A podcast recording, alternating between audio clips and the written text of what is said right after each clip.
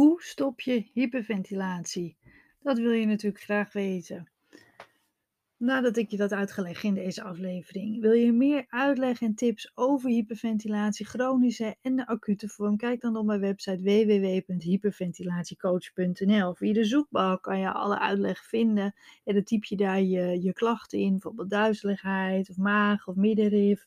En dan krijg je daar alle uitleg van te zien en te lezen. En uh, bijna alle uitleg bevat ook heel veel tips altijd. Nou, eerst is het belangrijk om te weten dat er een verschil is tussen chronische en acute hyperventilatie. Bij acute hyperventilatie heb je echt acuut, dus plotseling een aanval, zoals de naam ook al zegt. Je kan dan voor je gevoel uit het niets overvallen worden door paniek, angst en ook bijvoorbeeld een benauwd gevoel.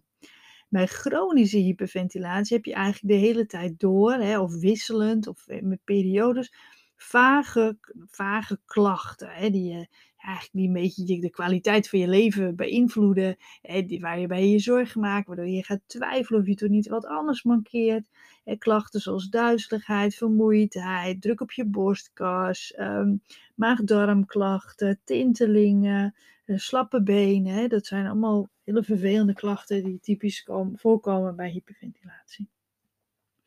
Nou, de meeste mensen zullen last hebben van chronische hyperventilatie, waarbij je ook last kunt hebben van acute aanvallen. En een acute aanval kan komen bijvoorbeeld doordat je schrikt, slecht nieuws krijgt, maar ook doordat je bijvoorbeeld al langere tijd spanning opbouwt. En dat voelt dan vaak als paniek en dat kan heel beangstigend zijn. Als je aan het hyperventileren bent of je voelt dat je gaat hyperventileren, kunnen onderstaande, kunnen de volgende tips je helpen. Je kunt daarmee namelijk het hyperventileren stoppen of voorkomen. Maar let op, met deze tips die ik je ga geven, pak je het symptoom aan en niet de oorzaak. En het is zo belangrijk dat we de oorzaak gaan aanpakken. He, want anders blijf je je last van houden. Dus je pakt nu eigenlijk alleen maar een pleister op, op, op, op de wond. Maar je wilt natuurlijk gewoon dat het bloeden gaat stoppen. Dus deze tips ga je mee aan de slag. Maar we gaan ook ga je de oorzaak aanpakken.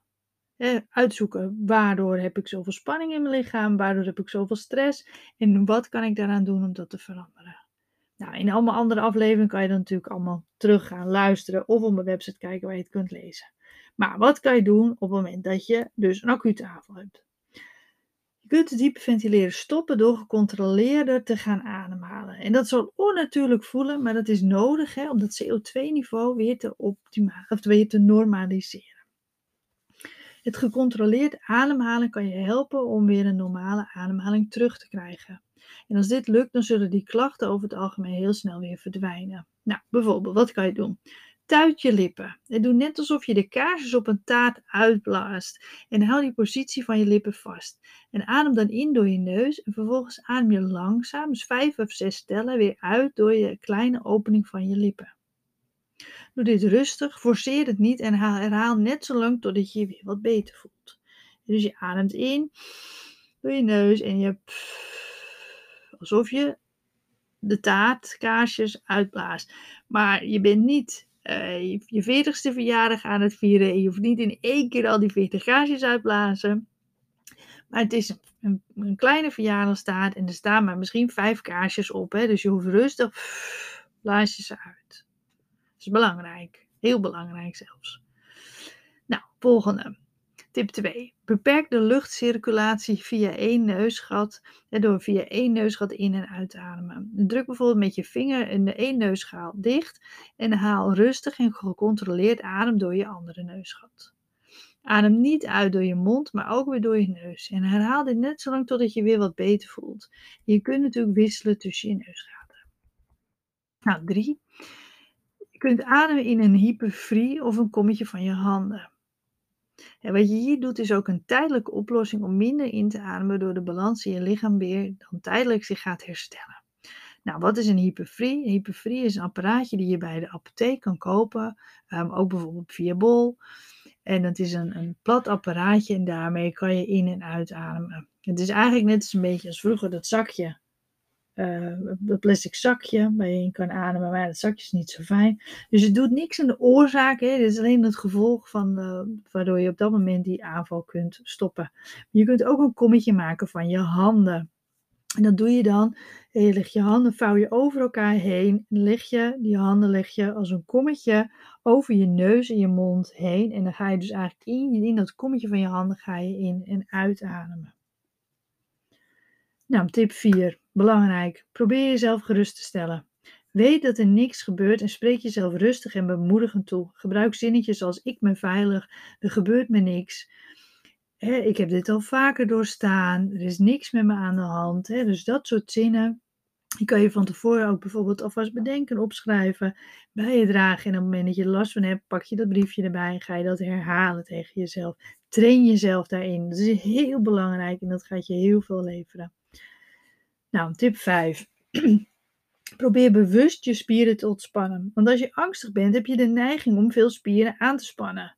In je buik, je bilspieren, je voeten, je schouders trek je op, je armen doe je vaak over elkaar, je gezichtsspieren span je aan. En dus laat bewust al die spieren los, echt van je tenen tot aan je kruiden. Met speciale aandacht voor je voeten, je billen, je buik, je schouders en je gezicht. Dus dat is belangrijk. Laat bewust die spierspanning los. Je zegt los, los, los, los. Voel wat er met je voeten gebeurt. Zet die rustig op de grond. Zorg dat je je billen en je buik los hebt. Je, je schouders los hebt. dat gaat je zeker helpen. Tip 6, dat is eigenlijk het vervolg op tip 5. Dus naast het ontspannen van je spieren is het heel erg belangrijk dat er voldoende ruimte is in je lichaam om goed te ademen. Zit dus rechtop, waardoor er voldoende ademruimte is bij je middenrif en borstkas. Als je namelijk in elkaar gezakt zit, is er onvoldoende ruimte om goed te ademen. Wat dus het benauwde gevoel en die verstoring van je ademhaling alleen maar zal versterken. Zorg er dus voor dat je ontspannen rechtop gaat zitten.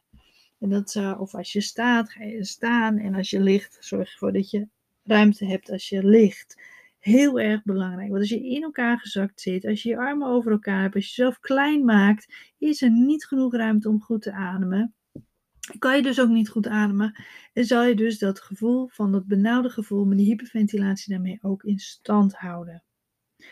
Oefen dit heel veel, juist op de momenten dat je goed voelt.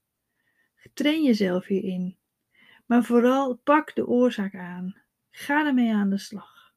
Lees bijvoorbeeld mijn boek, hè, het werkboek Hyperventilatie, Angst en Paniek. Weet je via alle boekhandels en via, ook via Bol bijvoorbeeld weer kan krijgen. Via op mijn website staat de link op hyperventilatiecoach.nl slash boek. Er staan heel veel uitleg in, maar ook tips en hoe je de oorzaak kunt uitzoeken en aanpakken voor jezelf. Of je kunt bijvoorbeeld natuurlijk een van de online cursussen volgen die je ja, bij mij kunt eh, starten. Die kan je elk moment van de dag starten, wanneer het jou uitkomt. En die bevat allemaal uitleg en tips en oefeningen. Als je twijfelt over welke cursus het beste geschikt is voor jou en jouw klachten, kan je me altijd een mailtje sturen en naar vragen.hyperventilatiecoach.nl en dan mail je eventjes waar je last van hebt, wat je klachten zijn, tussen welke cursus je twijfelt en dan kan ik je een goed advies daarin geven. Dus pak de oorzaak aan en ga met die tips aan de slag. En uh, dan wens ik je heel veel succes. En ik hoop vooral dat je die tips niet nodig hebt. Maar als dat wel, dan kan je hier natuurlijk altijd op teruggrijpen. Uh, nou, bedankt weer voor het luisteren en tot mijn volgende aflevering.